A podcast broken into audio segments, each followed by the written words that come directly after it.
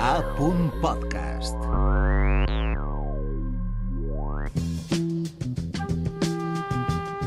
«33 revolucions per a canviar el món» amb Carlos Pérez de Ciriza. You will not be able to stay home, brother. 10 i 21, dimecres, com cada dimecres, tot i que l'equip avui estem una miqueta confosos i pensem que és dijous o dimarts, jo que sé, Carlos, no sé què ens passa, ahir van tindre un exterior i estem rebostats tots.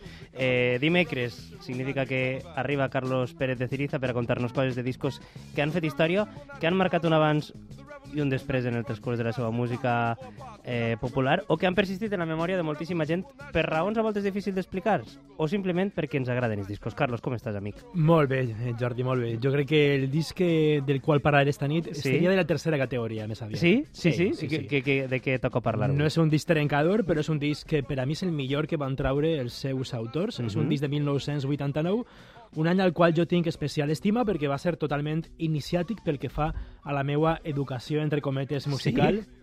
Sí, perquè tenia 15 anys només. Home, ja, bueno. I el que compres en aquesta època i el que ja descobreixes... es queda per tota la vida. això. Exactament, se't queda marcat, no?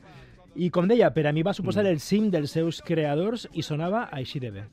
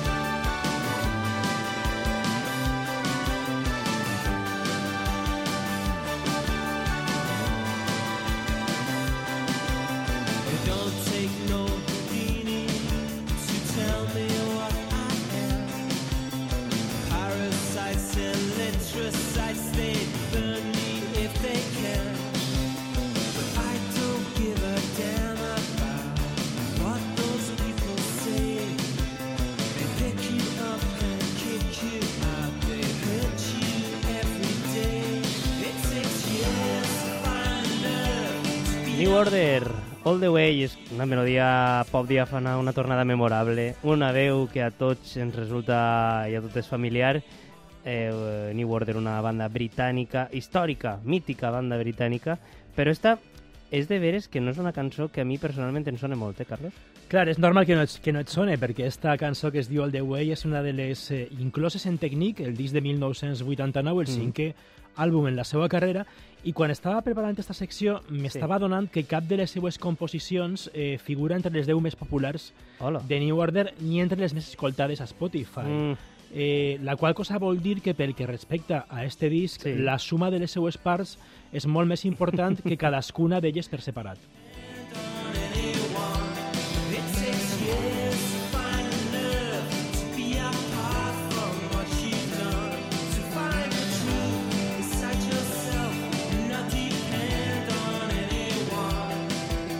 La fi, imagina que per això l'has triat, no? Perquè potser, com a dit Senser, consideres que este tècnic, que és de l'any 89, eh, que a més José Navas ens estava recordant molt clarament la, la, iniciàtica, també el viatge iniciàtic dels mitjans públics valencians, doncs este tècnic és el més complet, a banda que New Order publicaren tant abans com després singles boníssims que tots tenim al cap com Blue Moon Day o, o Bizarre Love Triangle. Exacte, la fortalesa de Technique és la seva, diguem-ne, Mm. el, set, el seu to global, no? És, és Mm. tot el disc en, Sí. en conjunt, no?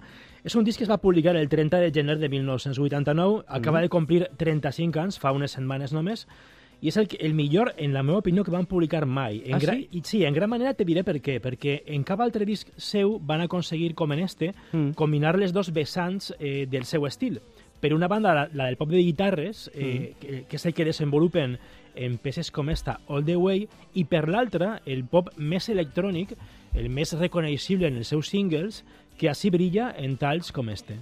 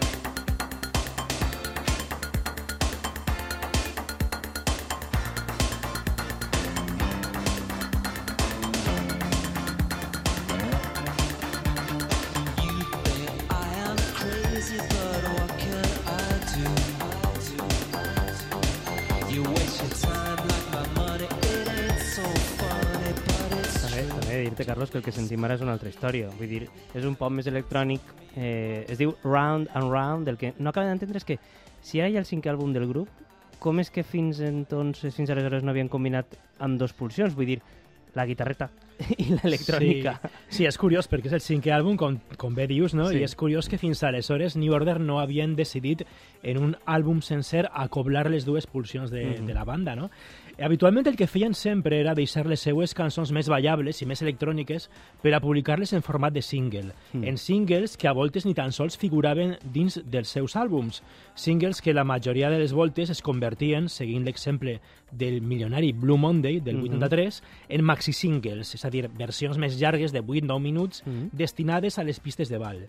I la major part del, contingut, del contingut dels seus àlbums estava engrossit per cançons que generalment eren més de guitarres, Ja, més ja, post-punk, ja, ja. podríem dir, no? Mm. Així, arribat el 1989, van decidir que canviarien eixa dinàmica Mm. i la simbiosi els va eixir redona, la veritat.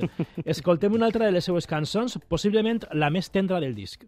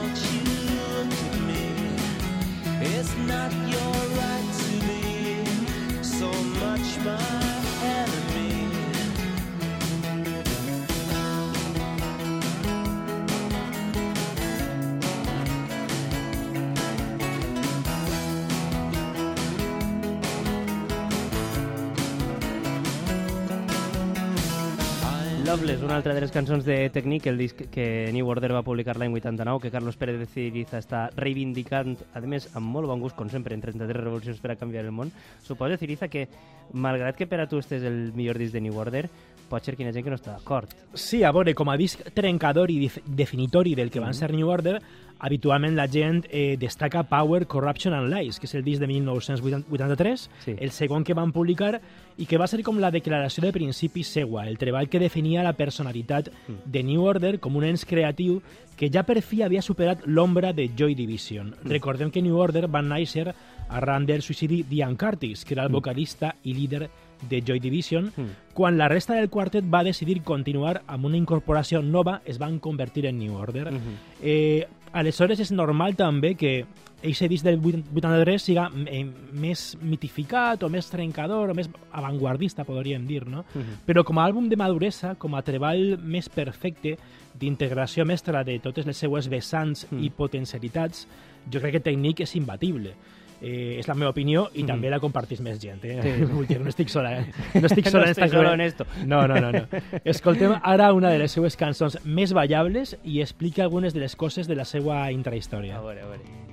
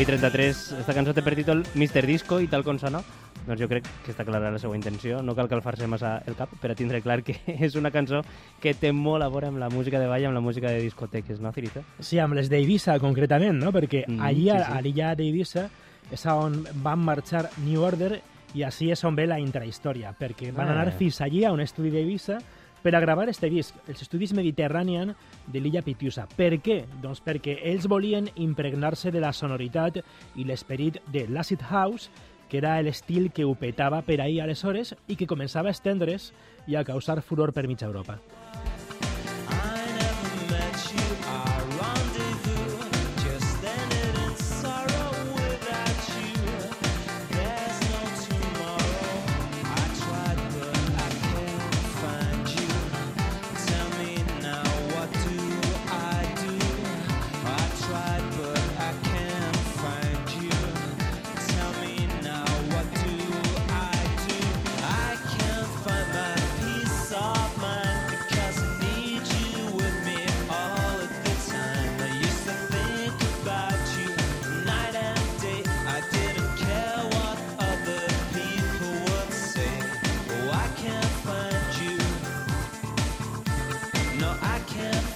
La pregunta, la pregunta que faria un bon periodista, és a dir, la pregunta que tu has fet, ho van aconseguir, Carlos? Ho van aconseguir només a mitges, no? A mitges per què? Doncs perquè els quatre mesos que van passar allí, a Eivissa, quasi tot el temps estaven de festa, borratxos o drogats, o segurament amb dos coses al mateix temps, no? Visitant discoteques Sale per la nit, sí. Anant a discoteques com Amnesia, per exemple, inclús estavellant un cotxe en un accident... Calla. Sí, un La accident que que els podria haver costat un disgust. Es pot dir que les sessions a l'estudi d'Eivissa no van ser massa productives No, per no. a New Order, van haver d'acabar la feina ja a Anglaterra, tornant a la seua, al seu país, perquè quan van, mar quan van marxar d'Eivissa Mm. només tenien un 20% de l'àlbum completat. I lo bien que lo pasemos, Ah, Carlos. Sí, segur. Encara ho recorden, eh? Jo he he entrevistat a Bernard Sumner un parell de vegades i és un tema que, que brota ahí. Que recurrent. no? Sí. Això sí, es pot dir que la influència d'Eivissa eh, Mm. sí que es nota en algunes cançons, no en totes, en algunes com esta Mr. Disco, que Sí. sona, i també una miqueta, no tant, en esta, que és un dels seus clàssics de culte, Vanishing Point.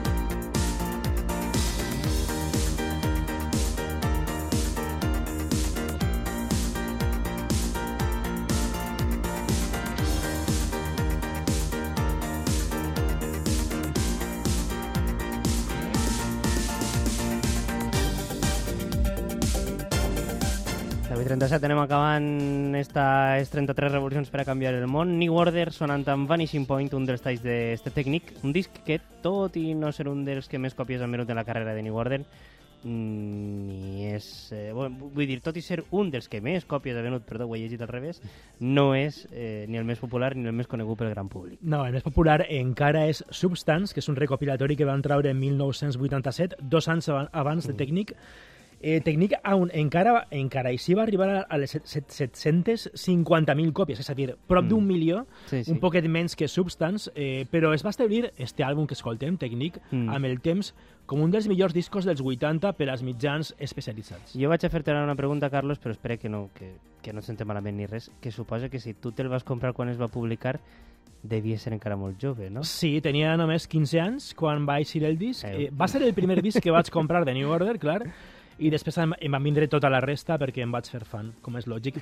Però la marca que em va deixar este és de les que no s'esborren mai. A més, recorde que en aquella època New Order anaven tan sobrats de material notable que dos cares B de singles que havien tret d'este disc, Mhm. és a dir, cançons que s'havien descartat per a figurar dins del seu contingut, sonaven contínuament a les discoteques valencianes. Eren Don't Do It i Best and Mars, els seus Ja veus. títols. És a dir, fins i tot a les, bueno, sonaven també a les, discos, a les discos vespertines a les quals Sí. jo anava, Sí, sí, perquè sí, sí. era 1989, Clar, i tenia 15 anys i I poca nit encara. Exactament, poca nit encara, ja, ten, ja tenia temps més, més endavant per a cremar alguna nit per a un 15 anys. No?